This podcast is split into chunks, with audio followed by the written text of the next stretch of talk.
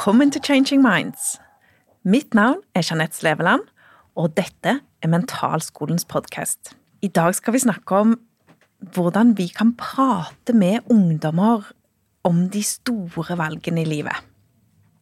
For det er jo sånn at i ferier og helger og foran frister, så er det å sette seg rundt bordet med slekt og families ungdommer, og hvilke spørsmål er det som kommer da? Jo, det er ja, så hva skal du gjøre fremover, enten det er etter videregående, eller til høsten, eller når det store valget kommer. Og det skaper mye hodebry. Kanskje både for de voksne i familien, som er bekymra og frustrert over det de kanskje tolker som manglende engasjement og interesse fra ungdommen.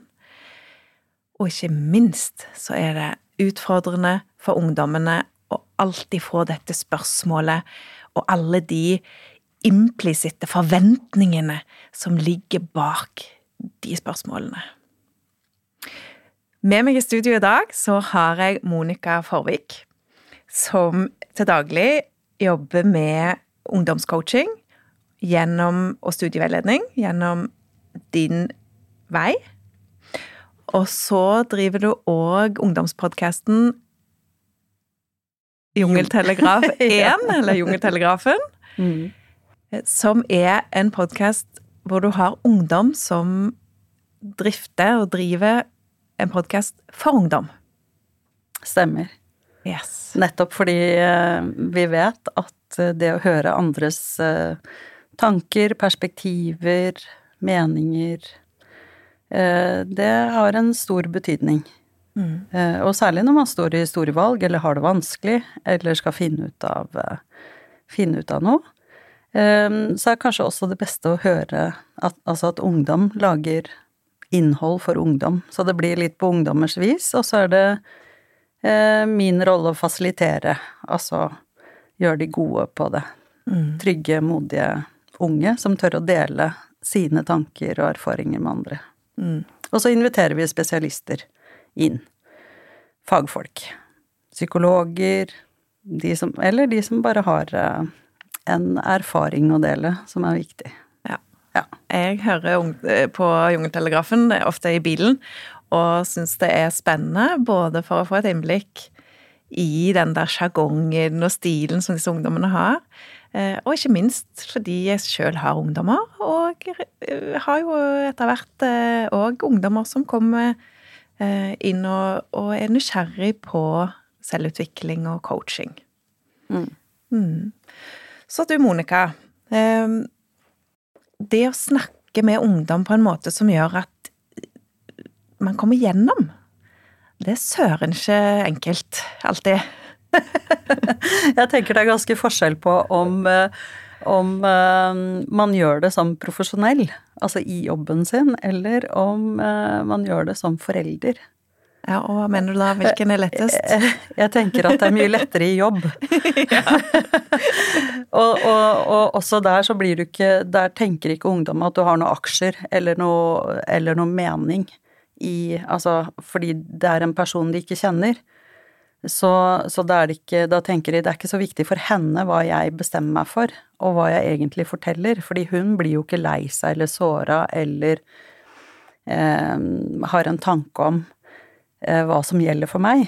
Mm. Eh, så sånn sett så er det så er det i samtaler med ungdom på jobb, så er det mye lettere å være ærlig, og også, og, og, og også bli forstått som at det kommer fra et sted av interesse og, og kjærlighet.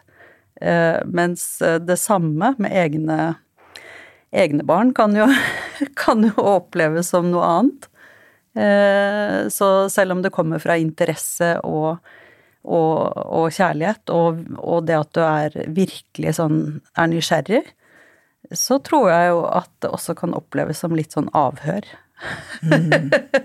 For det kommer ti spørsmål kjapt, eh, ikke sant, fordi vi vil vite hvordan har du det, hva gjør du, hva tenker du, hva skal du, mm.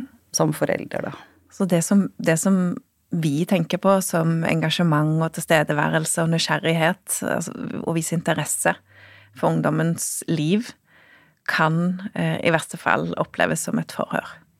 Ja, være ganske påtrengende, Mm. rett og slett. Og jeg tenker særlig hvis vi er eh, litt eh, Hvis vi er litt ulike.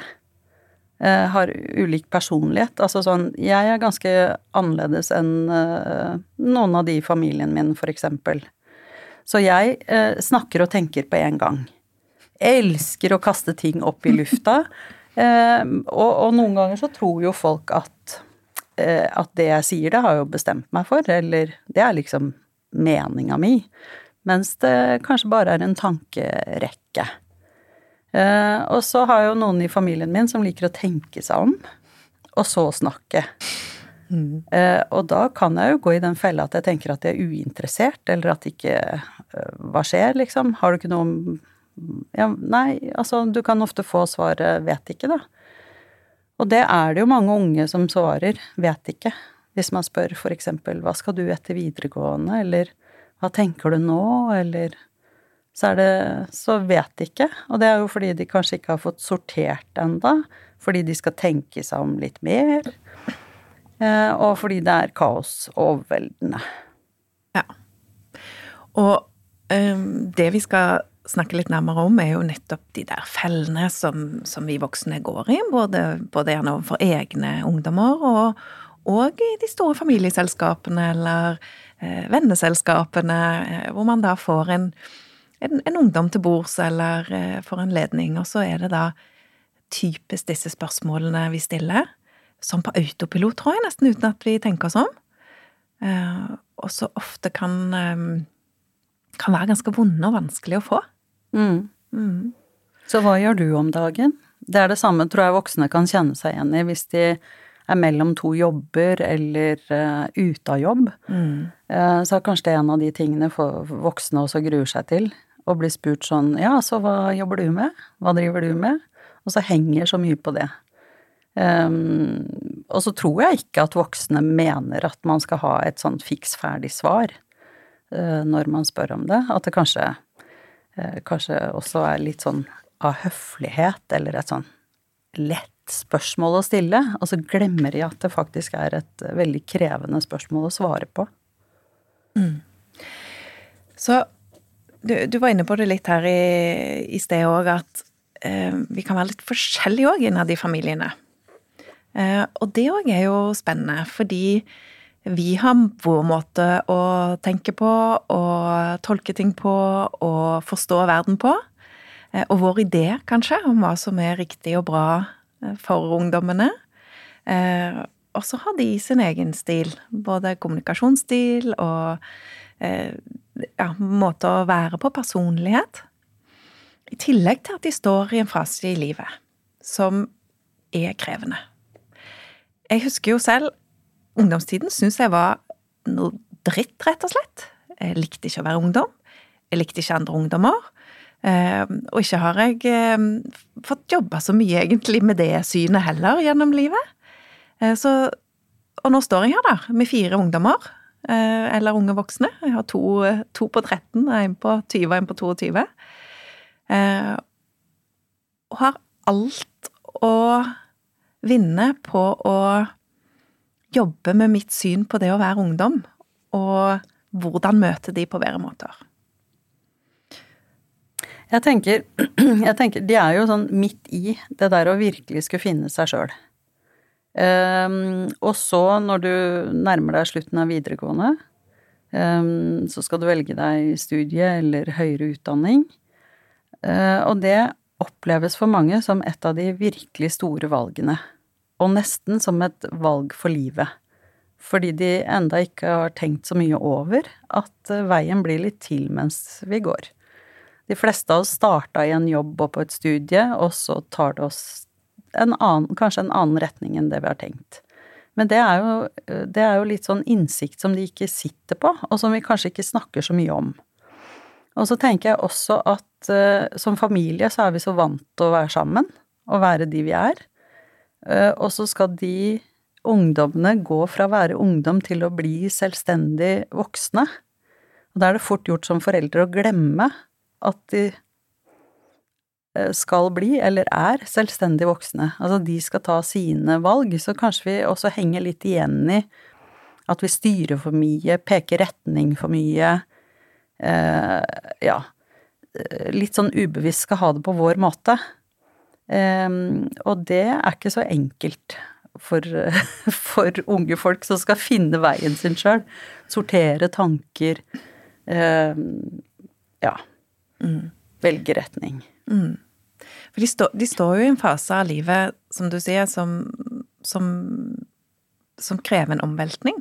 Og det er innenfor psykologien som, som, eh, som, gjerne er den fasen hvor man skal finne sin identitet, og gjerne er litt forvirra over egen rolle, og hvem man er, og hvem man skal bli, og hva man skal gjøre.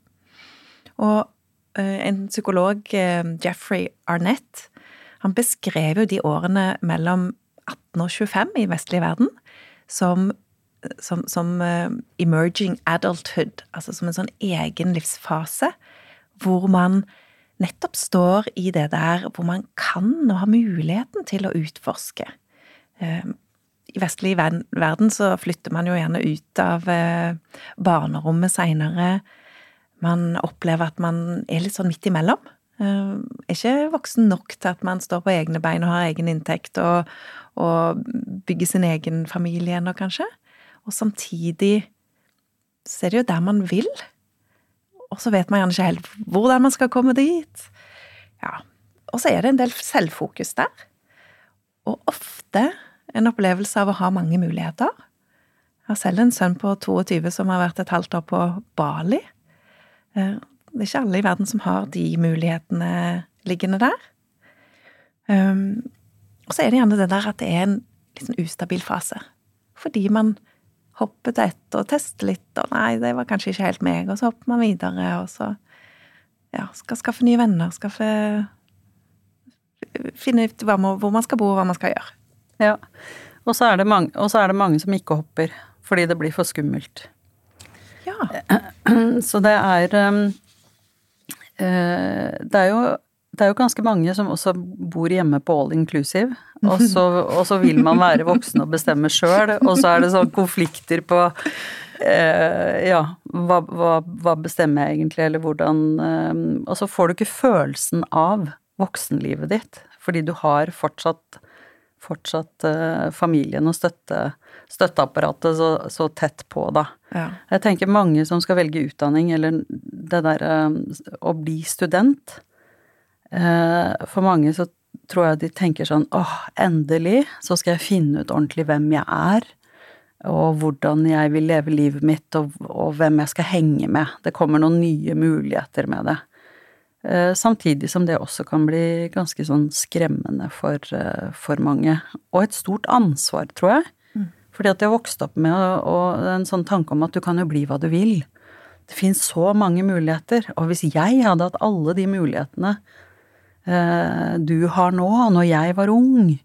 Eh, det tror jeg legger et veldig stort, eller vet jeg at legger et veldig stort press på, press på mange, da. Mm.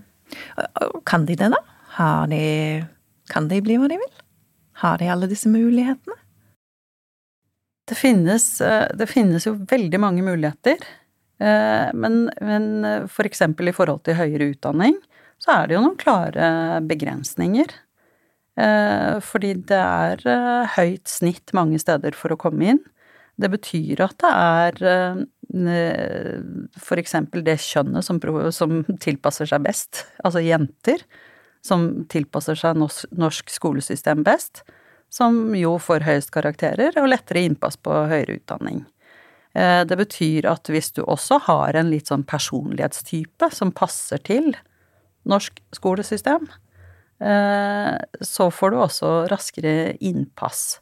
Hvis du har på en måte slitt på videregående, snubla litt, eh, har et lavt snitt, så fins det fortsatt eh, muligheter, men den veien er litt lenger, og, og det krever litt mer å finne ut av.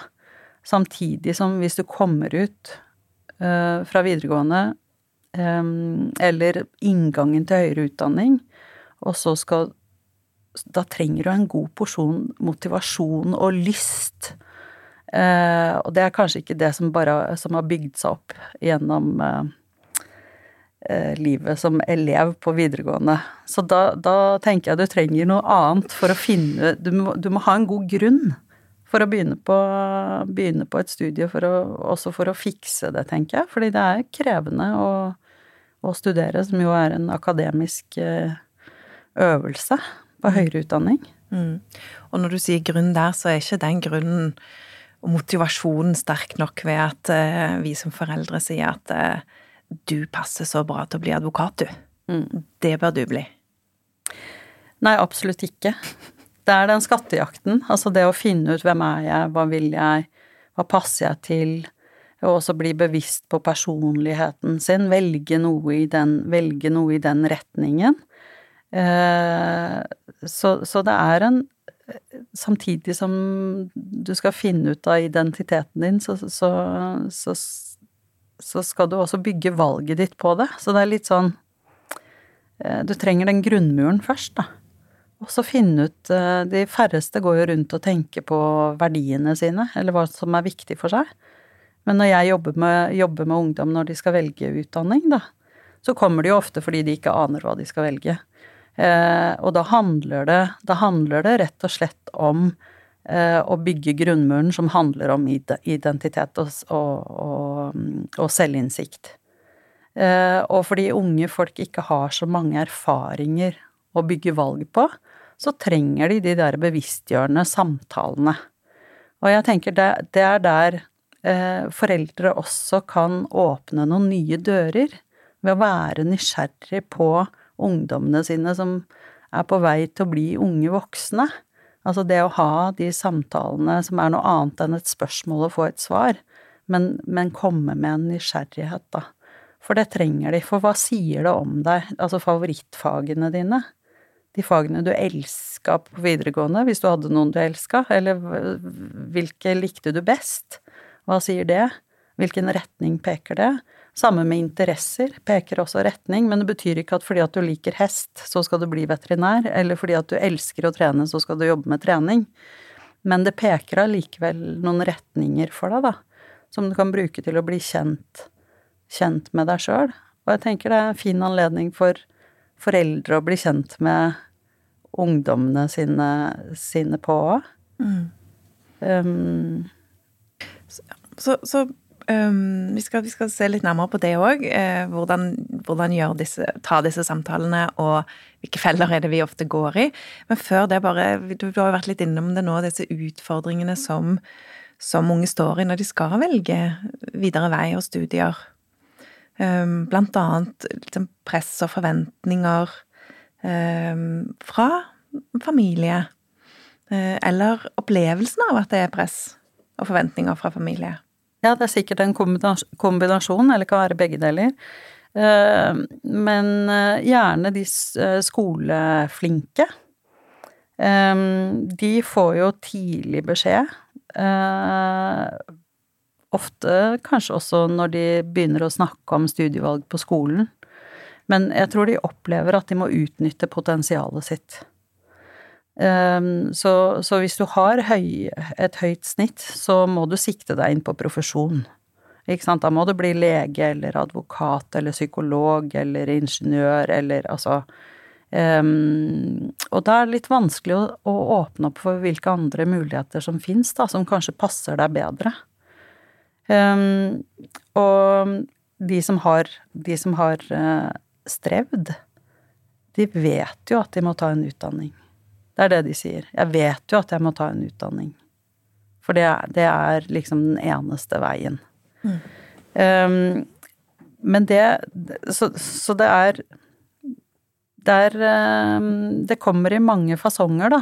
Både om du er skoleflink og på papiret har alle muligheter, eller om du eller om du må finne en alternativ vei inn i det, eller kanskje etter hvert også oppdage at det er ikke høyere utdanning som kommer til å gi deg det yrkeslivet eller det du, eller det du ønsker deg. Mm. Um, og så har jeg jo jobba tidligere jobba med de som velger De som, de som eh, havner utafor. Og som isolerer seg. De som kanskje ikke fullførte videregående. Um, og jeg tenker det er De har også dette kravet, og også denne forventningen om at du kan bli hva du vil, og du har alle, og du har alle muligheter. Og det virker jo veldig sånn uoppnåelig når man står fast, uh, står fast uh, et sted, da. Så jeg tror det er ganske van vanlig å mangle retning og motivasjon. Jeg tror veldig mange er slitne etter videregående fordi at de har prestert og prestert og prestert. Mm. Uh, og strukket seg, strukket seg langt. Og så tenker de sånn, går de ut av eh, videregående og kanskje en uh, russetid som var bra eller dårlig, og så er det litt sånn bare en kjapp ferie, så skal du være på et helt annet sted og være klar, og nå skal du være voksen og leve det morsomme studentlivet. Det er enormt press, mm. uh, men også for mange, mange, for mange en veldig god mulighet, da. Mm. Mm. mm. Ja. Ja, for det du beskriver her, er jo både Ja, du har de eh, skoleflinke som, som gjerne kjenner på press om eh, at de bør eller må utnytte potensialet og, og bli noe. Um, og så har du de som kanskje har falt utenfor, um, eller ikke har de samme mulighetene fordi snittet er for lavt når de er ferdig på videregående, til å komme videre. Og så har du det som kan være for kanskje for, for begge disse gruppene, og gjerne de som eh, eh, som begynner på noe, men som ikke er helt på rett hylle. Som mangler motivasjon og, og, retning, og som bare ja, følger kanskje det venner gjør, eller det som er litt sånn inn i tiden. Uten at de egentlig har noe grunn til det. Det er ganske mange som sier sånn ja, men eh, du kan jo bare starte på mm, økonomi, vet du. Økonomi og administrasjon. Alle trenger det. Eh, alle trenger ikke det. og det er ikke nødvendigvis så, så, lurt å bare starte på noe som er logisk smart. Eller sånn ja, det trenger samfunnet. Det må komme med en driv og en interesse og en retning og noe ja, noe som kan gi deg noe framover. Og så er det viktig å si at det du velger som studie nå, det er, det er ikke sånn at det låser deg til låser deg til for resten av livet. Det, det åpner egentlig for muligheter seinere også. Jeg tror, men jeg tror veldig mange unge føler på at det haster. Ja. Eh, og, og, det er jo for oss som er godt voksne, så er det litt sånn pussig at det haster når du er 19. Mm. Ja, men jeg må jo velge det, jeg må komme i gang nå. Mm. Når jeg er 19 eller når jeg er 20. Og jeg har truffet ganske mange 22-åringer som er sånn herregud, alle vennene mine har kommet i gang med livet sitt, og alt er på stell, og det er det ikke for meg. Um, men, men, jeg tenker at eh, det haster ikke. Og, og også hvis du velger feil, uh, og tenker, uh, tenker at å, jeg skulle gjort noe annet, så er det også fint mulig. Um, så det var datteren min, hun uh, jobba først i to år etter videregående. Da tror jeg hun fikk ganske mange spørsmål, fordi hun har gode karakterer. Så da, da er det jo forventa at man skal være litt rask ut. Uh, men, men, det fins mange gode grunner til å jobbe, f.eks. å dyrke sporten sin, som hun gjorde, ikke sant, og holde på aktivt med hest, da. Um, så får hun jo to år eh, med arbeidserfaring jeg som studieveileder syns jo det er noe av det smarteste man gjør, ikke løpe rett på høyere utdanning, faktisk. Um, og så starta hun på en bachelor i psykologi når hun hadde funnet ut hva hun skulle. Og så liker hun psykologi så godt at hun tenkte sånn å, jeg skulle vært på profesjon. Men da må jeg slutte, og så må jeg ta opp fag. Men da hadde hun motivasjonen, ikke sant, etter ett og et halvt år på psykologi, så hadde hun motivasjonen og visste at det var det hun ville, så da kunne hun hoppe av og så gjøre den virkelige innsatsen for å få opp snittet sitt da, og komme inn på profesjonen. Men jeg husker, eller i hvert fall sånn jeg husker det, så sa hun eh, åh, men hvis jeg gjør det nå, da er jeg jo ikke ferdig utdanna før jeg er 30 år. Mm. Og da sa jeg nei, da har du bare 40 år igjen å jobbe. Så noen ganger så er det fint å sette ting i perspektiv, for jeg tror de føler veldig press på å komme i gang, gjøre det, gjøre det bra, velge riktig eh, med en gang. Hva, hva, er viktig når disse unge skal bestemme vei videre? Jeg tenker det er å, å, å, bygge den innsikten, altså selvinnsikten, det å vite, vite mer om hvem jeg er, og hva som er viktig for meg, og hva som passer for meg, og det kan vi som voksne være med på å hente fram. Eh, ikke sant, Og stille spørsmål om ja, hva er det ved det faget du likte, eller eh, et av mine favorittspørsmål er ofte sånn ja, hva er det som får tiden til å fly? Og jeg tenker når vi skal bidra eh, for at unge folk skal få innsikt, så er det fint å by på seg sjøl. Altså ikke tenke at det er jeg som voksen stiller et spørsmål fordi du skal finne ut av noe. Men det er, er, det er for eksempel også en ganske morsom øvelse å snakke om personlighet i familier. Hvis vi gjør Hvis vi gjør um, Tar en sånn uformell personlighetstest. Og både uformelle, men også men også de ordentlige testene som man eksempel tar hos meg på personlighet, eh, de Det er jo ikke en sannhet om det, men det er et veldig godt eh, refleksjonsgrunnlag, noe å snakke om. Eh, og, og, gjennom det så kan de finne ut av det, erfarer jeg jo. Snakke om personlighet er kjempeviktig, fordi at de har ikke tenkt over det. For eksempel forskjellen på de som liker ordning og rede og lister og planer og den beste uka de kan se for seg, det er når de vet hva de skal. Ja, da rakk du opp hånda. Og så har du motsatsen, da. Som elsker å ikke vite hva dagen bringer.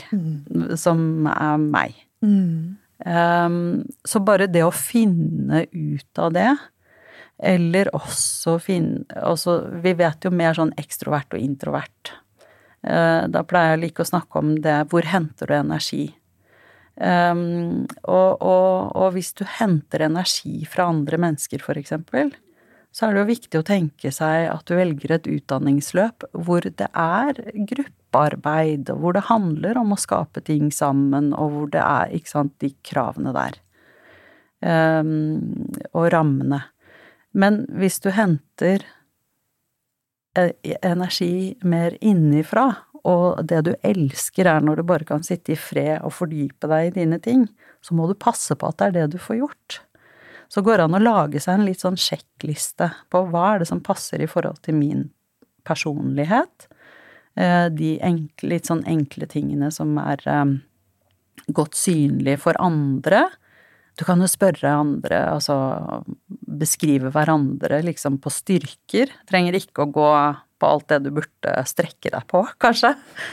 Fordi det vet vi jo, vet vi jo gjerne, gjerne en del om også.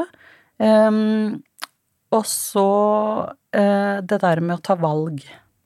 Vi er jo veldig ulike på hvordan vi tar beslutninger. Det er også en morsom prat å ha, mm. og en viktig bevissthet å ha. Fordi hvis du bygger valgene dine på fakta og informasjon, så må du jo passe på at du har det for at du skal bli trygg på valget ditt. Hvis du er den som bare kjenner, altså du må kjenne at det er riktig, eller kjenner at det er feil, så må du passe på å sjekke inn på det. Men når du skal ta store valg, så veit jo vi at du trenger begge deler. Så også den som er avhengig av fakta og informasjonen, trenger også å øve seg på å kjenne etter at det faktisk er riktig, og at det faktisk kan bli bra. Og motsatt, da. Så det er kanskje, det er kanskje litt sånn gøye ting, å, gøye ting å gjøre, og bli litt sånn kjent med voksenversjonen. Og så tror jeg jo at eh, vi voksne slurver litt med å dele erfaringer. Altså, jeg tror for eksempel at ungene mine ikke vet så mye om mine krumspring eh, i arbeidslivet, også studie... Selv om jeg jobber på dette feltet og vet at det er viktig og liker å snakke med folk og dele, så, tro, så tror jeg aldri jeg har fortalt dem for eksempel at den første jobben min, da slutta jeg etter tre uker. Fordi det var feil, og så ble jeg headhunta til en annen. Det kom en annen og sa sånn Du skulle ikke jobbe her, for dette var Jo, det skulle jeg. Hvor kjapt kan jeg slutte? Altså, jeg tror vi må dele de erfaringene også, og så tror jeg vi kan knytte nettverket vårt på. Så hvis ungdommen din er nysgjerrig på et fagfelt, så kanskje du kjenner noen, eller mammaen til noen jobber med det, eller har studert det, så bare si sånn Nei, men kanskje du skulle spørre eller snakke med og bidra på det, da. Fordi det gir litt sånn praktisk informasjon. Eller så kan vi mye om de Eller om de konkrete yrkene, men tenk deg hvor mange av oss som har sånn type jobber som egentlig ingen vet så mye om hva vi, hva vi gjør. ja, og veien dit. Og veien dit, ja. Eller veiene, for det er jo ja. ofte det. Det er så mange veier inn. Mm. Mm. Og, det, og det handler jo om mulighetsorientering. Og det er litt sånn i studieveiledning, eller altså når man skal velge studie, eller velge jobb, så handler det om noen karriereferdigheter. Det snakka vi ikke så mye om før, men, men det er jo et eget fag eh, eh, nå. Og det handler om den selvinnsikten, vite hvem du er og hva som er viktig for deg. Eh, og i det så ligger det jo også drømmer og ønsker, og hvordan ser du for deg livet ditt om fem år, om ti år? Eh, så ligger det evnen til eh, å se muligheter så ligger det det å ta gode valg, altså informasjonshåndtering, ta gode valg, og, og også det å tåle overgang.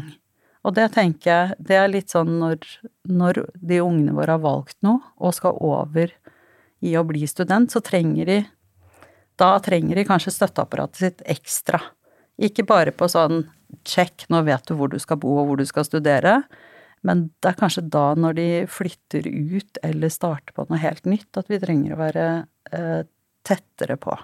På hvilken måte da? Altså hvordan kan vi gjøre det? Jeg tenker at eh, Jeg tror de stikker på studier og tenker at yes! og så så blir, oppdager de hverdagen eh, For eksempel så er det det mange ikke tenker på, at det er veldig annerledes å gå på videregående og gå på og studere. Mm. Plutselig så sitter du der med stabelen med bøker og tusenvis av sider, og så skal du skjønne hva du skal lese når. Og så i tillegg så skal du skaffe deg nye venner. Du skal finne ut av rytmen i hverdagen din, ta ansvar for hva du spiser og når du står opp og alle de tingene. Og det er litt sånn selvfølgeligheter, men det er ikke en selvfølge at det blir lett.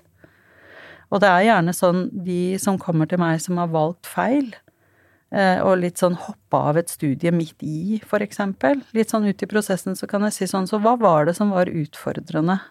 Hva var det som var så utfordrende at det gjorde at du slutta midt i, eller at du slutta på det studiet? Veldig sjelden så er det konkret faget. Det er gjerne helheten. Det er gjerne det å føle seg ensom, ikke finne plassen sin, ikke ha vennene sine, klassen sin, familien sin tett på. Og så tror jeg også der at det er en sånn forventning om at det skal være så heidundrende morsomt og ho-ho fra start, fadderuka, joho. Og derfor så kanskje, kanskje fadderuker ser litt sånn krampaktig ut òg. Det er jo fordi alle er redd for å ikke ende opp med en gruppe, noen å høre til. Men veldig mange føler seg aleine i, i, det der. Så det kan være litt sånn forberedelse på også hvordan Når du For eksempel de som har droppa ut da, av det og skal inn på nytt, eh, så pleier vi også å bruke tid på å si sånn Så hva er det du kan gjøre av forberedelser som gjør at du får en bedre start? Hva er det du trenger? Ja, men jeg trenger egentlig bare to stykker som jeg kan snakke med og spise med eller sitte ved siden av. Mm. Ok, kan du ta ansvar for å skaffe deg, skaffe deg det? Fordi ofte så tror de at det bare skal komme. Ja. Bare skal skje. Ja. Jeg, sitter her og, og, og, tenker tilbake. Jeg flytta jo til Oslo, eller til Østlandet, på eh, den dagen jeg hadde siste eksamen på videregående. Eh, og, og kom inn på universitetet og skulle studere psykologi. Og jeg flytta inn til min bestefar og bodde der. Eh, og et år etterpå, eller to, så Jeg husker jo ikke helt tidsperspektivet her, jeg tror det var et år etterpå, så flytta kusinen min inn. Og hun kom med altså flyttelass med familien, som da pustet opp rom og hang opp gardiner og arbeidspult og sengetøy og du vet liksom hele den pakka. Og jeg bare husker at jeg bare jeg bare liksom sto litt sånn perpleks og så liksom dette eh, lasset av eh, altså tilrettelegging og tilstedeværelse av familien, og tenkte bare ingen av mine har vært og besøkt meg ennå. da sto mine foreldre midt i skilsmisse og hadde jo garantert mer enn nok eh, med sitt.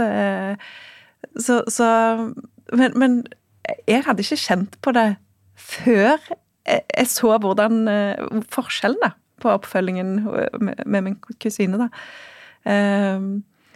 Så, så, ja. ja. Og jeg tenker at det er ikke noe oppskrift, oppskrift på det der. Eh, hvor, eh, hvor, mye man skal ordne og fikse. Eh, tvert imot så tror jeg akkurat den ordninga og fiksinga er ganske fin ting å gjøre på egen hånd nå. At det er litt sånn bekreftelsen av at nå starter jeg på noe nytt som er mitt. Um, så jeg tenker det, kan, det, det, finner man jo ut av, men kanskje, kanskje tenke at det er en veldig sånn sårbar overgang, da.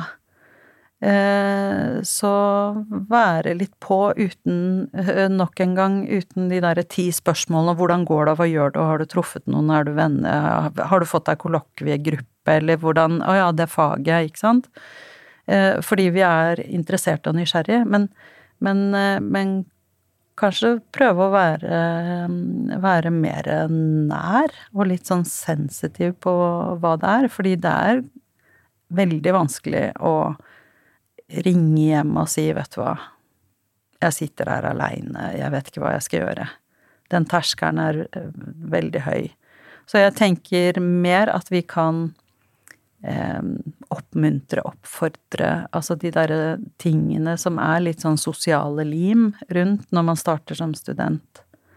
Eh, at vi kan tipse om det. For eksempel så vet man ikke om studentorganisasjonene, ikke sant, hvor det skjer uformelle, hyggelige ting, eller at du skal begynne å spille fotball igjen, ikke sant, på studentlaget, eller eller at selv om du ikke er den mest utadvendte, um, og den som er sånn som bare skaffer deg venner med en gang, så er det akkurat hvis det er et sted i livet hvor du virkelig bare skal gjøre det, så er det da.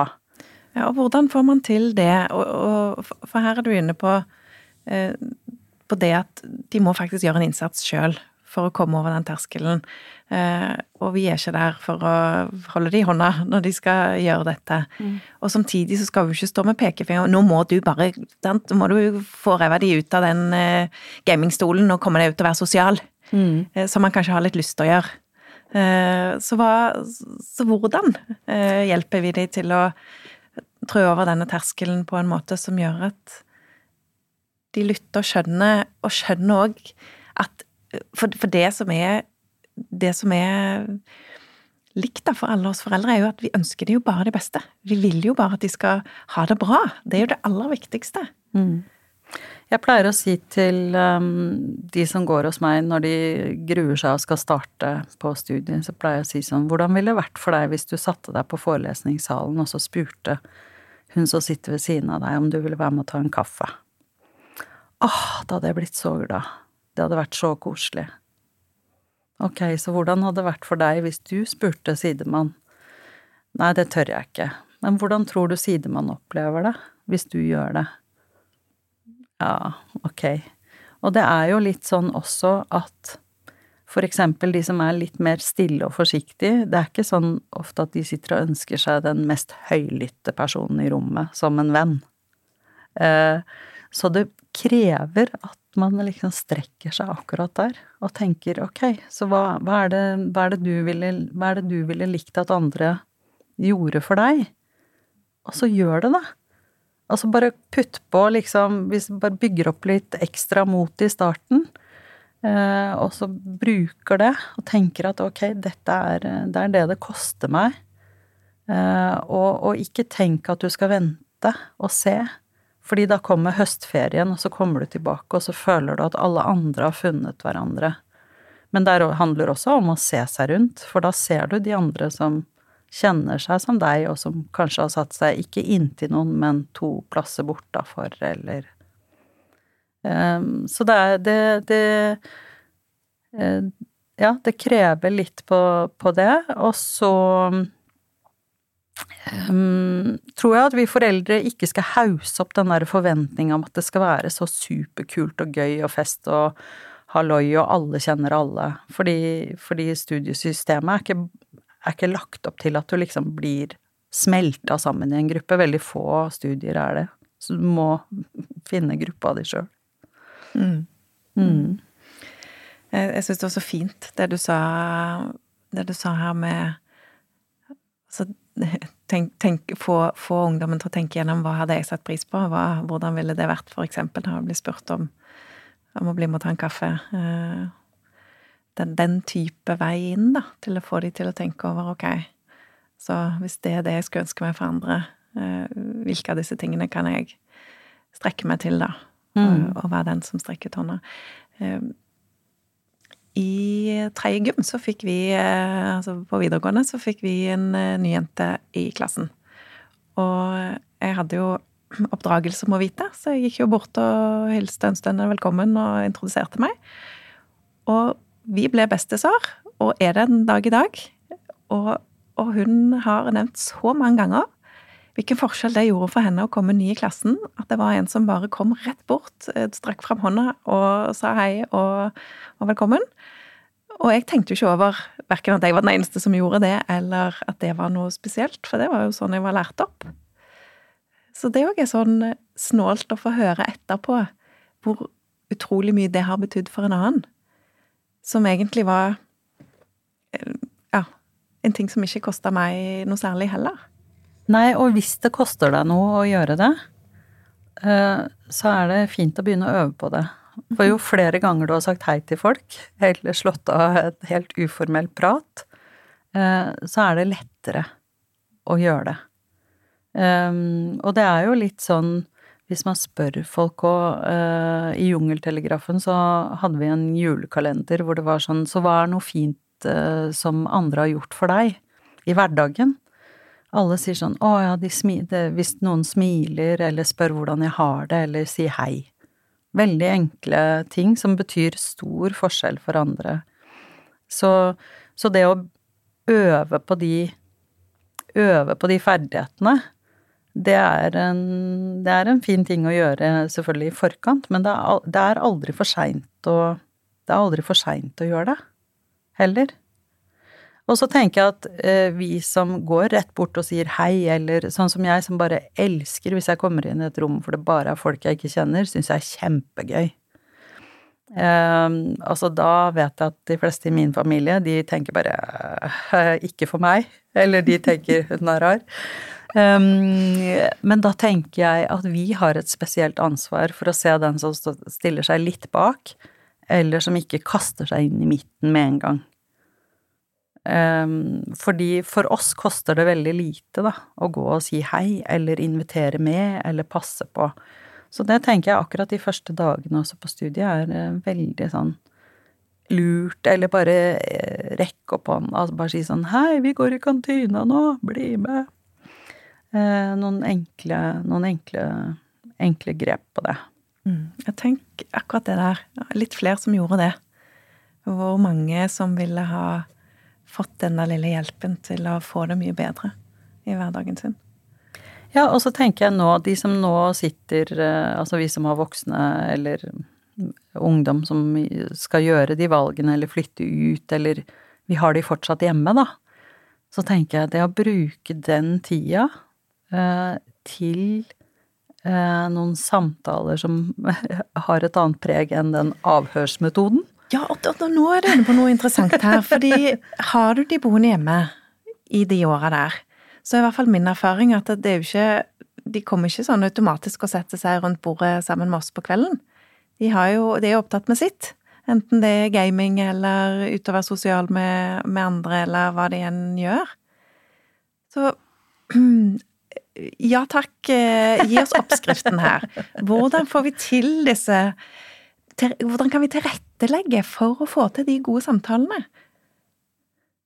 Jeg tenker å senke terskelen først for de samtalene. Altså ikke tenke at nå skal vi snakke sammen, altså. Men um, Og vi er jo Jeg kjenner meg jo igjen i at jeg uh, fort blir travel, og vi driver og ordner og fikser, og så holder de på med sitt, og jeg på med mitt, og uh, men, men, kanskje akkurat uh, det er litt sånn nesten sånn gjeninnføre søndagsmiddagen, eller det derre hvor, hvor vi tar det litt roligere. Og så invitere til samtale, da. Så si ja, det er en ting jeg har tenkt, på, eller ha, nå snakka vi om, eller jeg tok den personlighetstesten Hva om vi tok det og snakka om forskjeller? Eller likheter, og hvordan vi er, rett og slett. Og, og for sånne som meg, som snakker mye og raskt, mener mye, så tror jeg det er eh, rett og slett å være stille. Altså slippe til eh, Passe på å slippe til de andre. Bite seg litt i tunga istedenfor å fyre løs med alle spørsmålene. Eller Ja, og så vet vi jo at ved å roe ned og holde tilbake, så kommer det jo undringer og, og tanker og meninger og Og det tar jo en, eh, kan jo ta en helt annen retning. Jeg opplever jo hjemme hos meg i hvert fall at det virker som om eh, Snap er beste måten å kommunisere via. Enten det er der det kommer liksom frustrasjon eller små videoer eh, Det virker som det er en enklere vei inn mange ganger enn det å sitte, sitte rundt bordet. Hva tenker du om sånn ulike måter å Jeg tenker det, er en, sånn tenker det er en naturlig del av, um, av uh, familielivet også, og måten å kommunisere på. Men jeg tenker hvis du bare Altså hvis, hvis du ikke har øvd inn noen av de samtalene rundt bordet, um, og, og ungdommen din flytter ut, eh, så, så tror jeg ikke du greier akkurat den samme nærheten og pulsen ved å følge med på Snap, fordi det er jo også ganske sånn sortert hva du, hva du får. Um, så, så jeg tror ja takk, begge deler. Eh, Snap, tenker jeg, eller andre sosiale medier, det å sende en melding, en snap, et hjerte, det er jo en veldig god påminnelse for unge voksne som har flytta ut hjemmefra, at du blir tenkt på. Så, så, så det er jo kjempeenkelt og fint å gjøre. Og jeg tenker de som ikke er vant med det, de får sette på alarm, liksom. Altså sånn ring ungen, send Og jeg vet noen setter det i system. De er sånn nei, hver søndag så snakkes familien vår på Zoom eller et eller annet. Eh, Så man får finne sin man får finne sin måte, da. Men jeg tenker så lenge vi har det hjemme, så er det en gyllen mulighet til å øve opp eh, det der med å snakke sammen. Nærhet. Ja. Ja, for der, for der eh, Vi snakker om litt sånn feller vi kan gå i. Jeg kan nok fort tenke at når barna er ute på et eller annet, eller ungdommen, da, så er de eh, de- er så opptatt. Så de, kan jo ta kontakt når de har tid. At det er en sånn felle som jeg nok lett kan gå i. Og Ja. så går det for lang tid uten at de hører fra meg. Og så sitter de kanskje og er såre og syns at jeg tar for lite kontakt.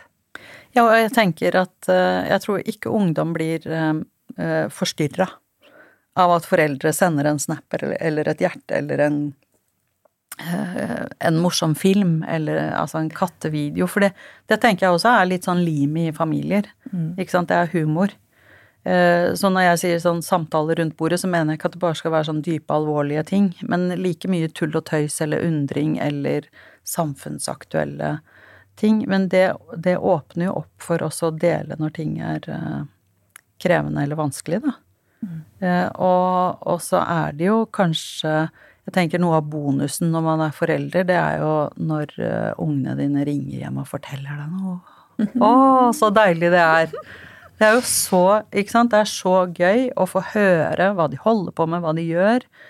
Um, så må vi også tåle, når vi har unger som ikke gjør det, og tenke at fordi om de ikke forteller, så betyr det ikke at de har det dårlig, eller, eller at de driver med så mye hemmelige, skumle greier som vi ikke skal vite. Vi er bare forskjellige, og har respekt, og har respekt for det, men så tenker jeg at vi også kan stille litt sånn krav tilbake, gjennom da å si og for meg er det viktig at jeg hører fra deg og vet hva du Fordi jeg tenker på deg, lurer. Um, så, så kanskje, kanskje også det der med å uttrykke behov som Altså som forelder, da.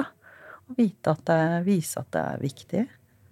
Ehm, så må man ikke ha sånn skjema for eh, hvor ofte og Nei. Nei, for standarden her er jo gjerne at jeg vil høre stemmen, så jeg ringer. Ja. Og så går det noen få sekunder, så kommer det svar på Snap. Hva skjer? Eller skjer'a? ok. Du er der, ja. ok, men tilbake til feller. Um, pass på at det ikke blir sånne tregradsforhør mm. um, hvor du peprer med spørsmål. Pass på at ikke du Eller tenk på hvordan du kan ha disse samtalene på et likeverdig plan, hvor du ikke blir den der forelderen som, som skal ha det siste ordet, eller som Ja, hva, hva, ja og mas. Altså mas, ikke sant? Fordi man stiller et spørsmål Ja, hva tenker du, hva har du gjort, har du søkt, har du Eh, og så mas, og så blir det bare mas, og hver gang de ser deg, så blir det sånn Oi, nå kommer det spørsmål eller forhør eller uh, Det kan jeg i hvert fall kjenne, meg igjen i, hvis jeg er for på. Uh, så, så, så, er det jo ikke sånn glede av å se deg når du kommer, for du tenker ja, ah, nå kommer de igjen. Og jeg, verst av alt, jeg tenker jo ikke på det som mas, jeg tenker mm. på det som kjærlig oppfølging. Mm. Hvordan går det med Interesse. det, har du fått gjort det? Ja. Litt sånn, skal jeg hjelpe med noe, er det så ja, det er for meg en interesse, men når du sier det, så tenker jeg jo å, de må synes jeg er så masete. ja, og det kan være ganske sånn påtrengende, tenker jeg. Altså kan jeg ikke få tenke litt i fred? Eller jeg sier jo ifra når jeg mm. har bestemt meg, eller tenkt meg om. Eller um, Ja, så jeg tenker det er, også, det er også en sånn endring i familien som skjer når, når barna blir eh, voksne. Eh, så hvordan Den der bevisstheten om at vi faktisk er forskjellige, har ulik personlighet, ulik behov, altså at eh, det kan bli litt mer sånn trans, transparent, da. Eh, og, og, og tilpasse, justere oss hverandre, sånn at vi føler oss sett og respektert. Og det går jo begge veier også, men det er ekstremt viktig, tenker jeg, at foreldre bidrar, yter ekstra akkurat i, de, akkurat i den overgangen. Mm. For det er sårbar, en sårbar tid. Mm. Og så tenker jeg um, tenker jeg at uh, man skal legge lista ned også hvis ting er vanskelig og krevende. Uh, for det er klart, hvis uh, man i familien har stått i mye konflikter, hatt det vanskelig, utfordringer, om det er skole, bare å få gjennomført, ikke sant, altså det kan være har kosta så mye, da, så tenker jeg at uh, man skal legge lista litt ned for å outsource et par ting. Fordi at det er ikke du som trenger å være studieveilederen eller psykologen eller coachen eller vennen eller til uh, ungdommen din og barnet ditt, og noen, ga noen, ganger så er det faktisk det som trengs, at det kommer noen utenifra som kan se og anerkjenne og løfte og bidra til en ny retning, da. Mm. Um, og da, for det, det, er noen ganger ungdommene hos meg sier sånn ja, ja, det er mamma, de sier alltid mamma, liksom, men når du Men når jeg sier det, så tror de på det. Ja. Ja, ja, for da er det plutselig sant, når ja. noen andre ser det. Um, så, så, de som kommer til deg, er det, er det stort sett et ønske fra ungdommen selv, eller er det en forelder eller en mor som pusher de inn til deg? Jeg tror veldig mange må ha det pushet. Eh, og den støtten. Eh, så det jeg gjør, er at jeg Altså ofte så er det jo en forelder som ringer og sier sånn Ja, jeg har en sønn som eh, sånn og sånn, eller en datter sånn og sånn. Kan det passe hos deg? Hos meg så må ungdommen sjøl ville det. Sånn at de blir alltid invitert inn til en uformell prat, mm. og så må de bestemme seg. Eh, og så får de egentlig ikke komme før jeg For det vet man jo, om de har bestemt seg, eller om det bare er noe de må. Men da handler det om å jobbe med motivasjonen, da. Grunnen til å få til Ja, så hva, hva ville vært viktig for deg å få til en endring på i det her? Men jeg tror det er det samspillet. Noen ganger så skal man bare hjelpe til med at, at man tar det neste steget. Eh, og så, eh, så vil de, og også da, når de tar det første steget med at de kobler på en annen, eh, så la de få litt pause fra Altså tre litt sånn ut av det, sånn at de får lov til å samle seg og jobbe med tingene, sortere tanker, finne ut av det. Så, så vil de liksom komme tilbake fordi de har rydda opp litt. Mm. Og da er det mye lettere å snakke med foreldrene sine om det. Så jeg får jo telefon fra noen foreldre innimellom, så sa jeg jeg vet ikke hva du gjorde med ungdommen min, men plutselig så hadde han masse på hjertet og en mening med hva han skulle. Jo, men det handla kanskje om bare å få lov, å få hjelp til å sortere, og så Og da føle seg mer sikker og trygg på å kunne lufte ting, da. Mm. Mm. Så motivasjon nevnte du her. Mm.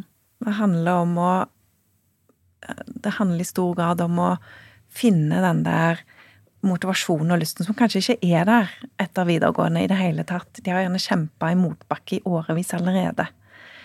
Og så skal de i tillegg klare å finne motivasjon, ikke bare til å starte og komme seg gjennom fadderuka, eh, men å stå i det når det lygger, når det gjør vondt, når de kjenner på ensomhet, når de blir usikre på om de har valgt riktig. Så hvordan kan vi hjelpe til med nettopp det, da? Den motivasjonen og, og det som skal til, kanskje òg for for å unngå feilvalg? Jeg, jeg vet i hvert fall at eh, den derre logiske tilnærminga med å si at ja, men du må jo ha en høyere utdanning. Altså, du må jo ha, må jo ha en bachelor, eller egentlig må du ha en master òg. Så det er bare å komme i gang med det, hvis du velger noe Altså, ikke sant. Eh, det, det, det er jo ikke noe særlig gulrot eller uh, sukker. for Gjør ikke livet til en fest. det gjør ikke livet til, det gjør ikke livet til, en, uh, livet til en fest. Så det handler kanskje om akkurat den der perioden når du skal utforske og finne ut det at, det at de unge blir i stand til å virkelig sånn jobbe grundig med det, kjenne på det, velge, velge bort, velge til. Altså fram og tilbake, og så til slutt bestemme seg. Eh, da tenker jeg at når du starter, og det butter imot å bli krevende og utfordrende, om det er faglig eller andre ting, så er det lettere fordi du har valgt det sjøl. Altså det er det aller viktigste. Det å virkelig kjenne at dette har jeg bestemt sjøl. Det var dette jeg ville, dette var det beste for meg nå. Så kan man også tenke at ja, ja, men det var det jeg visste da. Så hvis det blir feil, så er det kanskje ikke Så kjennes det ikke som et sånn nederlag, da. Eh, fordi at du hadde gjort en grundig jobb, og så fant du ut noe mer. Og gjennom også å jobbe med det, så venner du deg til å finne ut mer og, bli, og vite at det åpner seg Det åpner seg noen muligheter og en innsikt etter hvert som du får erfaring, da. Så det blir ikke sånn at eh, når jeg har kommet fram til det valget sjøl, og det viser seg å bli feil, så blir nederlaget enda større? Tvert imot. Mm. Tvert imot. Jeg tenker at hvis du tar litt sånn eh, Altså prisen for å velge feil, sånn når du bare tenker liksom Å ja, men jeg bare stikker, eh, stikker til Bergen, ja, og tar det studiet. Og så ble det ikke så gøy sosialt, og så var det faget var helt feil, for du hadde ikke satt deg inn i Du hadde bare lest reklameplakaten på studiet, du hadde ikke satt deg inn i fagene og pensum eh, og hvordan det var organisert. Eh, så blir det litt sånn Å ja, det passa ikke for meg. Men prisen er ganske høy. Sånn Én ting er at det koster penger å velge feil, for du bruker opp rettigheter i Lånekassa, du har flytta Ja, det koster å studere. Men det andre er den personlige kostnaden. Det ved å stå i de utfordringene og til slutt måtte gi opp, tror jeg mange føler det som. Mm. Det er mange som da får seg en ordentlig trøkk, og det vet sikkert du i forhold til psykologien nå. Altså at man driver og bygger identiteten sin, og så får man plutselig kan det oppleves som en kjempebekreftelse på at du virkelig ikke dugde, at du ikke passa, og at ingen likte deg. Ikke sant? Altså at du kan, du kan male det så svart og vanskelig, da. I ettertid, tenker du på? I ettertid, ja. Mm. ja. Altså når, ja, når du velger å dra hjem, liksom. Mm. Eller uh, uh, men, men, for andre så kan det bare være at uh, når de kommer til det at de har valgt feil, altså dette passer ikke for meg, så kan det være at det bare åpner seg noen andre muligheter som de tenker bare ja ja, men da fant jeg jo ut at jeg heller skulle det. Mm. Så, så, det må ikke være det. Men, men, jeg tenker at det er eh, det der å jobbe grundig og litt sånn systematisk med, med det valget og gjennom, gjennom det å bli Bruke tid på å bli kjent med seg sjøl og finne ut hvem man, også hvem man vil være. Noen syns jo det er en kjempestor lettelse å endelig skulle få utforske noen nye sider ved seg sjøl. Mm. Det, det, er kanskje den beste sikringa mot å, å få det bra. Mm. Istedenfor det vanlige spørsmålet så hva skal du gjøre nå, da? Eller hva skal du bli? Eh, hva, hva er Hva er veien inn? Jeg tenker helt umiddelbart så tenker jeg kan ikke få slippe av. ja, skal du sitte der uten å snakke med dem, da? Eh, nei, men det er jo ganske mye annet, altså annet vi kan snakke om enn å gå rett på den unge personen. Eh, så, altså, fordi det er jo veldig personlig. Eh, og, og, jeg tenker hvis de bobler over og har lyst til å snakke om det, så kommer de jo på eget initiativ. Så kanskje ikke si sånn ja, hva skal du etter videregående, eller hva gjør du nå, eller hvordan eh, Ja. Men, men være nysgjerrig.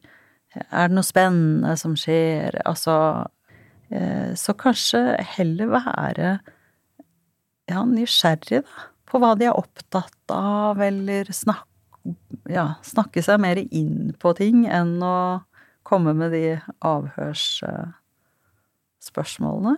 Mm. Så for jeg vet at mange gruer seg til akkurat det, akkurat det der. Mm. Så tenker jeg at det er ganske sånn stor forskjell på om det er den nærmeste familien, eller om det er eh, liksom utvida, utvida slekt. Tipset til ungdommene som hører på, er jo still spørsmål i retur så kommer du deg unna avhørene. Eh, Istedenfor å sitte stille og hvor folk kanskje tenker at de må stille deg spørsmål for, å, liksom, for at ikke du skal kjede deg. Ja. Når du stiller spørsmål, så er det du som leder samtalen. Ja. Så kan du lede den inn på de temaene du vil snakke om. Ja, og, og kanskje du skulle spørre de litt om, eh, om, jobb og studier og arbeidsliv og hva, hva Fordi ofte så vet vi ikke sånn ordentlig hva liksom folk ut i slekta nødvendigvis har studert eller jobba med. Mm. hvor de starta, hvor det ble. Og de fortellingene er Ofte så syns jo ungdom det er veldig, veldig spennende Mm. å, å høre.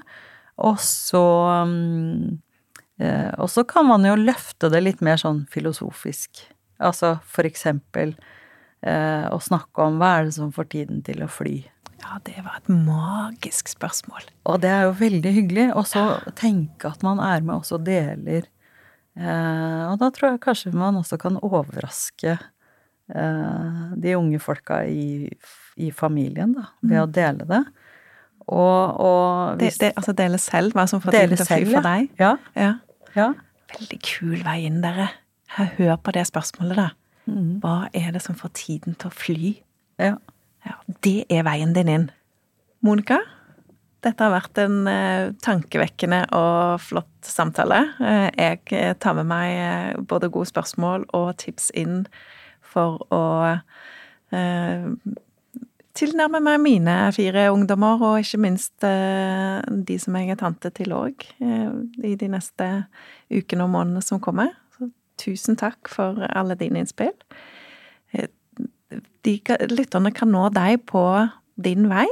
Dinvei.no. Og så tenker jeg eh, en, et annet godt tips, som jo er Jungeltelegrafen. Ja. Fordi Jungeltelegrafen, der er det jo ungdom som lager episodene. Det er de som er programlederne, velger gjestene, velger temaene, snakker om det på ungdommers vis. Om, om det som ungdommer er opptatt av. Om det ungdom er opptatt av. Eh, så det er en veldig fin ting å høre på, og det å høre på det samme, eh, og så snakke om det. Eh, Det var en mamma som sa til meg ja, datteren min og jeg hørte på den episoden om økonomi som ligger litt sånn lenger bak, og etter det så oppretta hun Skulle hun ha BSU, og hun skulle spare deler av det hun tjener på deltidsjobben sin. Dette har jeg prøvd å si i tre år, men det tok én episode og én spesialist. Så det er litt sånn Det kan også være en fin måte, det å snakke om ting. Når andre forteller, så kan man kommentere, være enig, reflektere, undre seg, lure, lure på det. Så det, det er Eh, det er et godt tips. Og akkurat eh, nå så ligger det en episode som heter Stress og ambisjoner ute, med en psykolog som heter Lars Halse Kneppa. Um, han har blant annet skrevet en bok som heter Sykt flink. Hvis du alltid kan bli litt bedre, blir du aldri god nok. Mm. Um, så, så, det er eh, Det er ganske Noen av de episodene er ganske sånn rått budskap, men jeg tenker det gir en veldig god innsikt Um, og en mulighet for å snakke, snakke, om viktige temaer, da, uten at det må liksom gå rett i hjerterota mm. Mm. på den det gjelder. Mm. Lurt. Godt tips. Lytt på Jungeltelegrafen. tusen, tusen takk eh, for nå. Mentalskolen finner du på mentalskolen.no, på Facebook og Instagram og TikTok og YouTube. Og dinvei.no, der finner du Monica, og lytt til Jungeltelegrafen. Tusen takk.